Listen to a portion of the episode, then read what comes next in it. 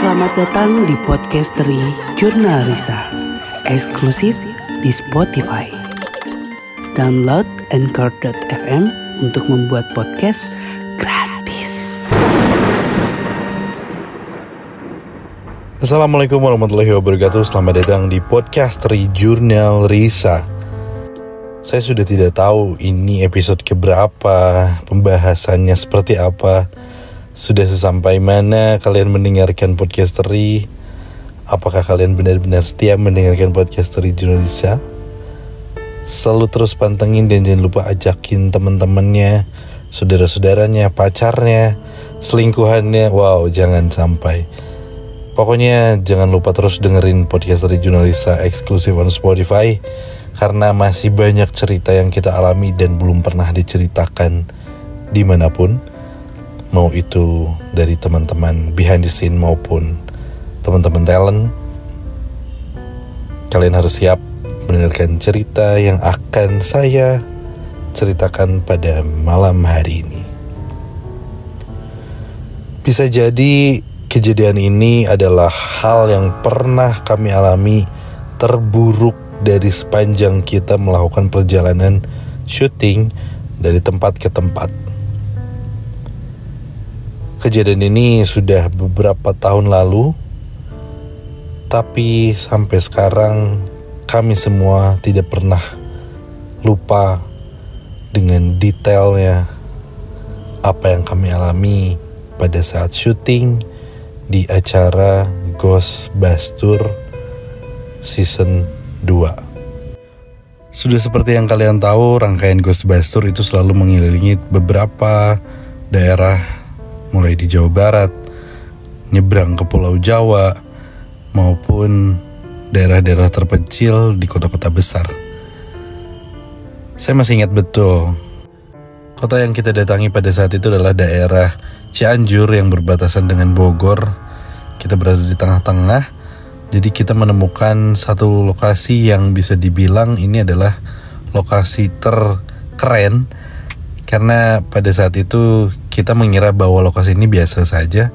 Ketika tim behind the scene survei di sana, kita menemukan salah satu lokasi ini sangat-sangat di luar dugaan karena memang lokasi ini bisa dibilang merupakan rumah sakit paru-paru pertama dari zaman Hindia Belanda.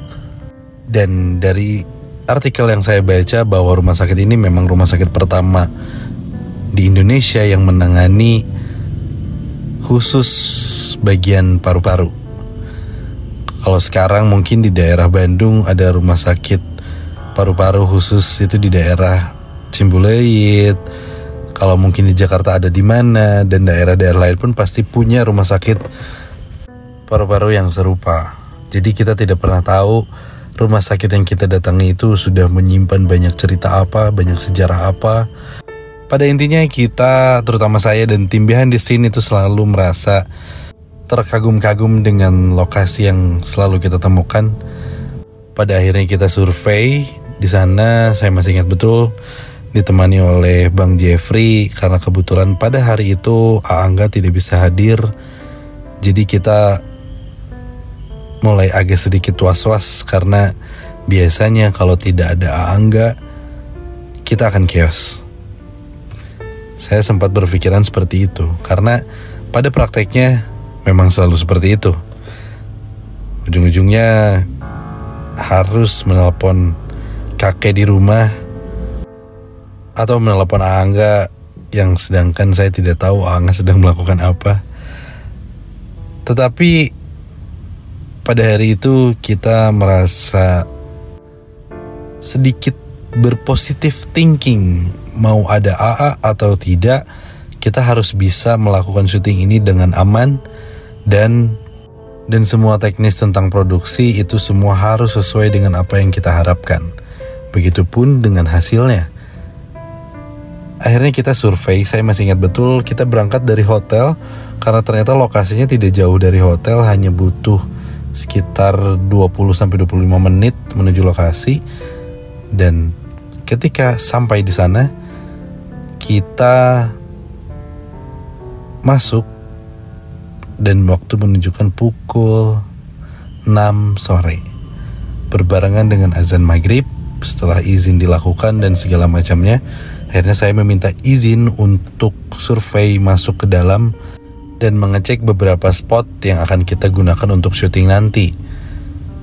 Saya mulai memasuki halaman dari rumah sakit itu. Saya masih ingat betul pada saat itu saya bersama Bang, Dio, Redoy, Bang Jeffrey. Kita mulai memasuki ruangan per ruangan sebelum memasuki kita sudah mulai berdoa dulu karena kondisinya pada saat itu memang hujan lumayan cukup deras yang mengharuskan kita benar-benar stay di dalam ruangan karena kalau misalnya keluar sudah basah kuyup karena kita sudah membawa equipment yang harus digunakan pada saat syuting nanti Biasanya yang kita lakukan itu adalah mengecek bagaimana spot yang akan kita pakai untuk syuting. Yang pertama itu aman untuk talent, yang kedua bagaimana isi dari ceritanya akan seperti apa. Yang ketiga, biasanya kalau tempatnya sudah mulai cukup mencekam bagi tim behind the scene, itu menjadi sebuah pertanda bahwa tim yang akan masuk ke dalam ruangan itu mungkin akan agak repot. Biasanya itu menjadi bonus bagi mereka karena kita tidak pernah bilang-bilang. Dan kita hanya bilang nanti kita syutingnya akan di beberapa titik ini nanti akan dipandu oleh Kresna atau oleh siapa. Jadi mohon uh, mengikuti arahan yang ada. Karena kalau misalkan tidak spot yang lain itu terlalu berbahaya untuk dimasuki. Takutnya terjadi hal-hal yang tidak diinginkan. Sehingga bukannya syuting nanti malah repot harus mengurus ini itu. Jadi akhirnya kita sudah putuskan di mana saja spot yang akan dipakai untuk syuting nanti. Sebelum itu, saya dan Dio melihat sesuatu. Kita berdua melihat sesosok pria yang berjalan membelakangi kita dengan kondisi di ruangan itu sangat gelap sekali kita bawa lampu tapi jika menerangi satu sudut sudut lain akan tetap gelap. Dan kita melihat sosok itu di sana. Saya langsung nengok sama Dio.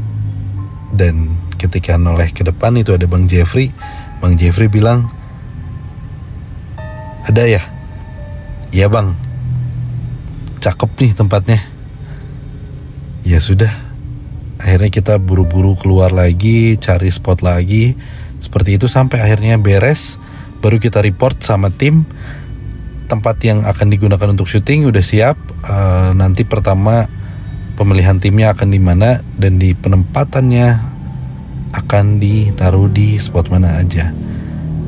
Akhirnya seperti biasa sebelum syuting mulai kita selalu berkumpul di salah satu titik yang sudah ditentukan untuk briefing, untuk melakukan uh, pembahasan materi sejarah tentang tempat itu. Akhirnya kita mulai memberikan sedikit informasi dan sisanya nanti teman-teman talent akan mengeksplor sendiri dengan apa yang dilihat sesuai atau tidak dengan cerita atau informasi yang saya berikan. Setelah briefing selesai, kita mulai siap-siap untuk syuting dan ya kita memang menunggu hujan reda dan lumayan cukup malam bisa dibilang kita mulai syuting itu sekitar jam 8 atau jam 9 malam. Kita melakukan doa bersama demi kelancaran syuting kita pada malam hari itu. Setelah itu seperti biasa kita melakukan opening dan mulai pembagian tim dan tidak lupa kita juga mengajak bintang tamu untuk gabung bersama kita di sana ada Jendam Clover sama Ences Nabati kalau nggak salah. Buat teman-teman yang sudah beli tiket Ghostbuster pada saat itu mungkin kalian masih ingat dengan episode ini. Akhirnya Teresa mulai melakukan pembagian tim dibagi beberapa spot. Akhirnya tim pertama mulai melakukan syuting. Pada saat titik pertama kita mulai jalan, bintang tamu juga sudah merasa aneh dengan tempat ini. Dia bilang, "Saya tidak terlalu takut dengan hal-hal seperti ini, tidak terlalu percaya dengan hal-hal seperti ini. Tapi kenapa perasaan saya kok nggak enak melihat kalian masuk ke, ruangan itu? Saya tidak mau dan dia minta kita untuk keluar dari situ. Terus dia bilang udah jangan di sana, udah keluar aja, keluar aja, keluar aja.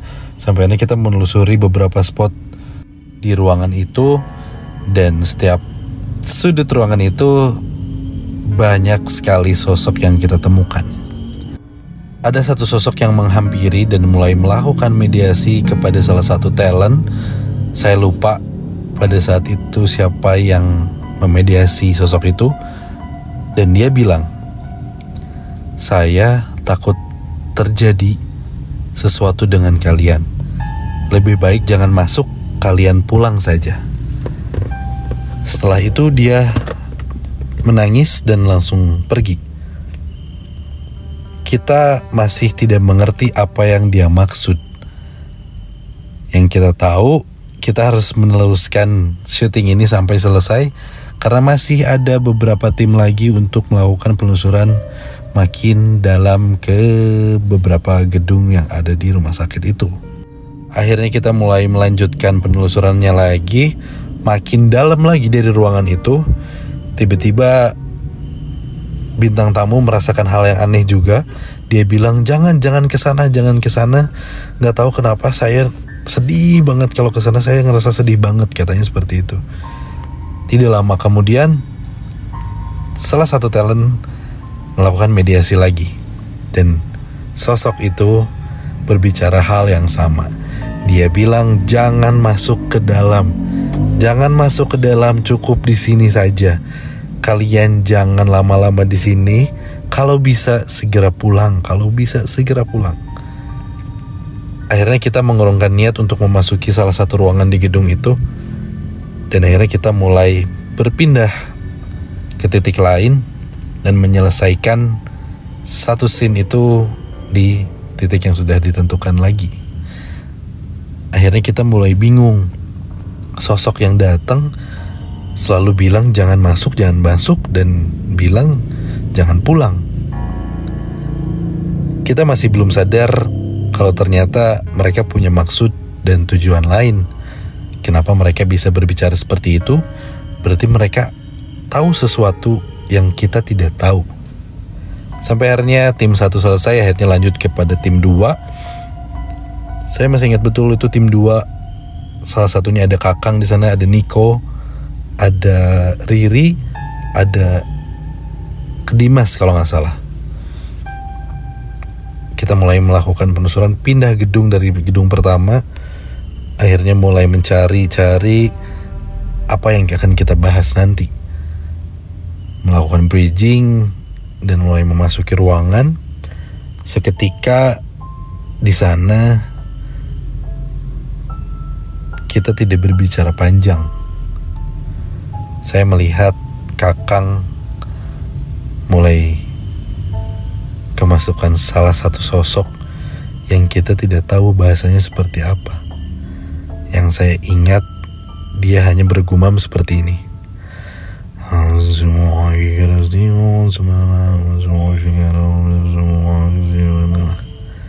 Gumaman seperti itu Sampai akhirnya saya melakukan eye contact bersama Niko.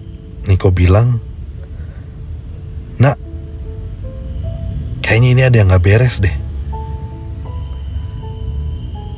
Gak lama kemudian kakang batuk dan sosok itu mulai keluar.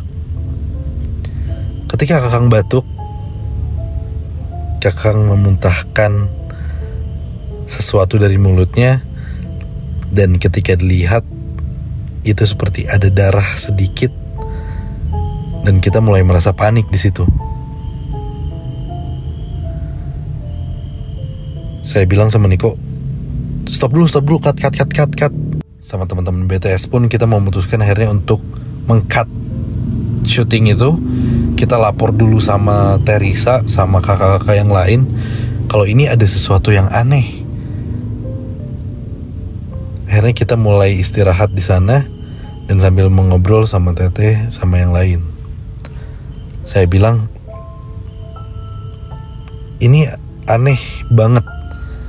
Dari pertama kita masuk ke sini pertama auranya sudah mulai tidak terasa enak.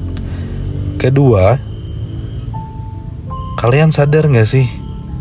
Selama ini beberapa sosok yang mendatangi kita selalu bilang jangan lama-lama segera pulang, jangan lama-lama pulang, jangan masuk ke sana pulang. Hampir beberapa sosok yang kita temui selalu bilang seperti itu. Di situ akhirnya kita berkumpul membicarakan ini ada apa sebetulnya dan ini ada kejadian apa yang kita tidak tahu. Sampai akhirnya kita dibantu oleh ayah Iwan almarhum Beliau baru saja meninggal beberapa hari kemarin. Dan di sana ayah Iwan pun bilang bahwa ini ada sesuatu sama kalian. Kita tidak pernah mau seuzon dan kita tidak pernah mau tahu ada apa di balik semua ini. Yang kita tahu, kita mendatangi suatu tempat menjelajahi beberapa lokasi di sana yang kita tidak tahu isinya seperti apa ini sudah menjadi resiko bagi kita. Apa pun yang kita temui nanti, kita harus hadapi. Akhirnya kita boleh berkumpul. Di situ kita mulai membahas sana sini sana sini dan akhirnya mulai melakukan doa sama-sama lagi. Karena kita merasa bahwa kejadian ini cukup chaos. Kalau kita tidak segera melanjutkan kita bisa benar-benar berhenti melakukan syuting ini. Karena melihat Kilagat Bintang Tamu pun sudah ketakutan dan beberapa talent pun sudah merasa ini jangan dilanjutkan karena ini kayaknya nggak akan bener. Sampai hari kita sudah selesai melakukan ngobrolan, kumpul, dan ini kita berdoa sama-sama lagi dan kita mulai beranikan diri untuk yuk kita sekarang coba mulai lagi. Jangan takut. Kalau ada apa-apa kita tetap bareng-bareng Bismillahirrahmanirrahim, kita mulai lagi syutingnya. Pada saat itu, saya masih ingat di sana ada Teresa, Indi, dan Fahrul melakukan bridging untuk melanjutkan perjalanan syuting yang kesekian. Sampai pada akhirnya tiba-tiba Fahrul kemasukan satu sosok. Dia mulai membentangkan tangannya. Dari situ masih mulai terasa tenang. Tim-tim BTS pun masih mengambil gambar dan memikirkan kalau ini masih bisa terkendali. Tidak lama kemudian Farul tertawa sangat kencang dan tiba-tiba dia terjatuh pingsan. Saya buru-buru lari pada saat itu, memegang badannya dia dan saya mulai mengangkat, memindahkan dia mencari kursi yang ada. Pada saat itu, Teresa masih melanjutkan syuting sama Indi dan mulai mengobrol sana sini sana sini sana sini sampai akhirnya Farul sadar ketika sadar dia mulai melotot mulutnya terbuka sangat lebar di sana dia tertawa menangis. Tapi ku terima. Nggak bukan. Nggak serius ini. Farul benar-benar tidak bisa terkendali. Dia tidak tahu apa yang merasuki dia. Dia hanya bisa teriak nangis ketawa. Sampai akhirnya ada Bang Jeffrey mulai membantu membersihkan dan mencoba mengeluarkan apa yang ada di dalam Fahrul. Tidak berhasil. Dan pada saat itu kita mulai rada sedikit kebingungan karena kita sudah mulai kayak ketakutan karena Fahrul udah nggak sadar-sadar sampai akhirnya Bang Jeffrey bilang ini kita harus bawa dulu keluar dari tempat ini akhirnya Farul diangkat oleh beberapa orang di sana dengan kondisi badan yang masih kejang-kejang, teriak-teriak. Dan di situ tidak lama kemudian Indi melakukan hal yang sama. Dia mulai kemasukan dan sulit untuk dikeluarkan. Akhirnya kamera semua dimatikan. Kita sudah mulai bingung harus kita harus ngapain, kita harus ngapain. Sampai akhirnya saya melihat semua udah mulai menangis Teresa sudah mulai menelpon kakek. Saya melapor Angga dan saya bilang, "Ah, ini nggak beres, ah ini nggak beres. Saya nggak tahu ini kenapa." Dan pas banget ternyata pas gitu telepon AA pun bilang dari tadi juga nggak tidur nungguin kalian khawatir. Biasanya bareng. Sekarang harus ngelihat dari jauh harus mengurus. Kayak gini enak jangan takut. Enak jangan panik tenang. Akhirnya kita mulai berhenti sejenak dan kita benar-benar bingung apa yang sebenarnya terjadi pada kita di malam hari itu. Akhirnya satu persatu sudah mulai dibereskan dan dibantu oleh ayah Iwan. Semua sudah mulai sadar kembali. Fahrul pun ketika saya tanya, karena saya masih ingat betul ekspresi muka dia yang minta maaf karena dia sangat-sangat ketakutan dan bilang, Rul, Rul. Dia ngelamun dan mulai menengok. Sadar nggak tadi kenapa? Farul bilang nggak inget apa-apa.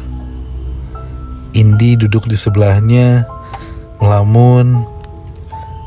Sama, Indi pun jawab nggak inget apa-apa. Kita mulai kebingungan. Sampai sekeos ini kalau kita syuting pun sejauh mana pun alhamdulillahnya selalu merasa aman. Tapi pada malam hari itu kita benar-benar kewalahan karena kita tidak tahu apa yang terjadi di sana.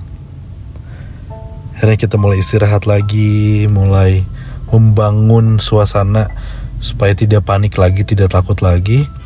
Akhirnya kita memutuskan untuk melanjutkan syuting ini dengan kondisi beberapa talent sudah tumbang akhirnya kita lanjutkan tapi dengan syarat hanya beberapa menit saja untuk melakukan akhir dari rangkaian Ghostbuster ini dan cepat-cepat melakukan closing dan langsung cepat-cepat pulang lagi ke hotel.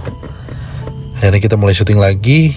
Di sana kita menemukan beberapa sosok dan bercerita seperti biasa. Dan akhirnya kita mulai melakukan closing. Habis itu kita mulai berdoa bersih-bersih bersama dan pulang lagi. Di perjalanan pulang, kita merasakan hal hal aneh itu masih tetap menempel pada kita sampai pada akhirnya kita menyadari sesuatu. Di bangunan Belanda itu kita tidak menemukan sosok Belanda sama sekali.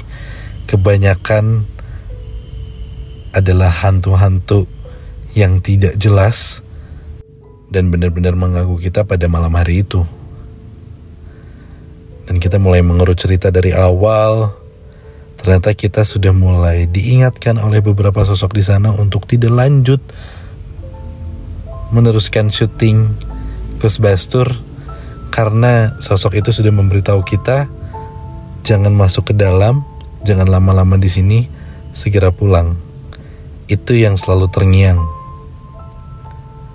Sampai kita menyadari bahwa beberapa kejadian yang sudah dialami itu adalah peringatan dari mereka yang mungkin menempati tempat itu lebih dulu dan tidak suka dengan adanya kehadiran kita ke sana. Malam hari itu benar-benar chaos dan kita tidak ada yang tertawa sama sekali karena kondisi yang sangat-sangat menakutkan dan kita bingung kenapa bisa kita seperti ini ya memang mungkin jika disadari sekarang kalau kita syuting tuh biasanya ada Aangga, ada Bang Jeffrey atau yang dituakan oleh kita tuh selalu melakukan izin kepada mereka yang lebih dulu ada di sana.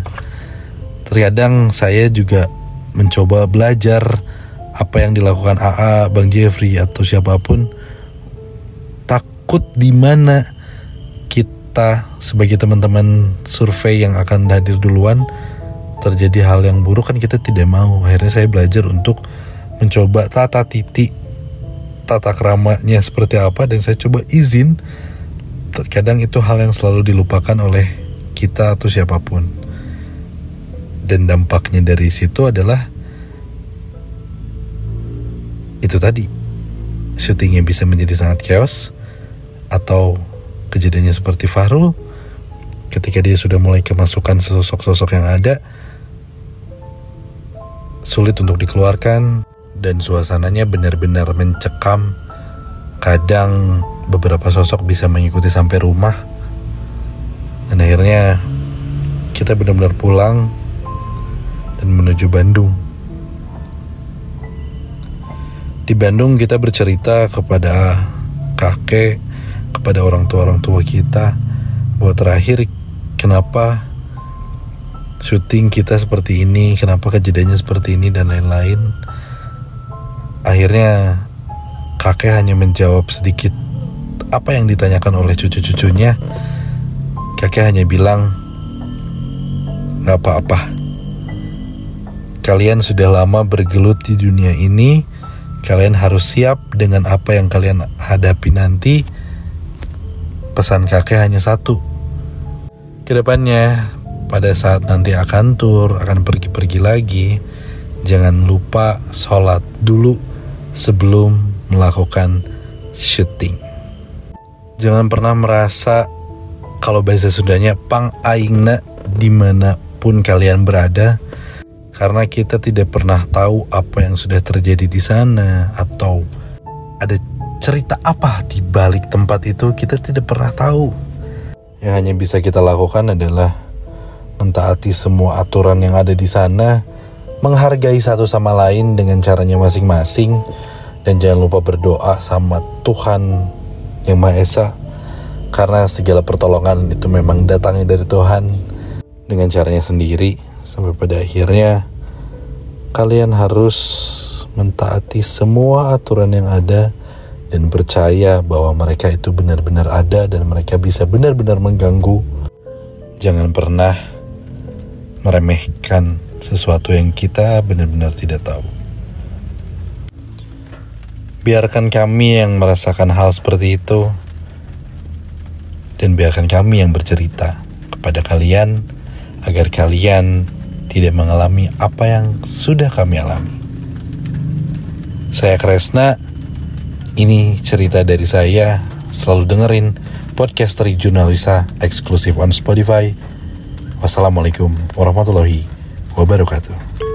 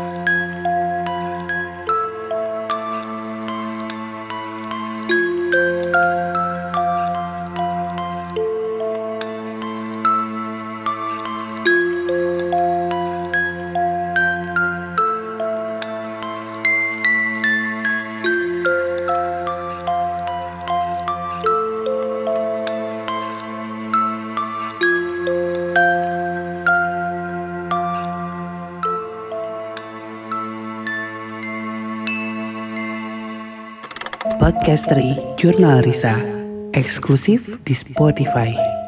Download Anchor.fm untuk membuat podcast.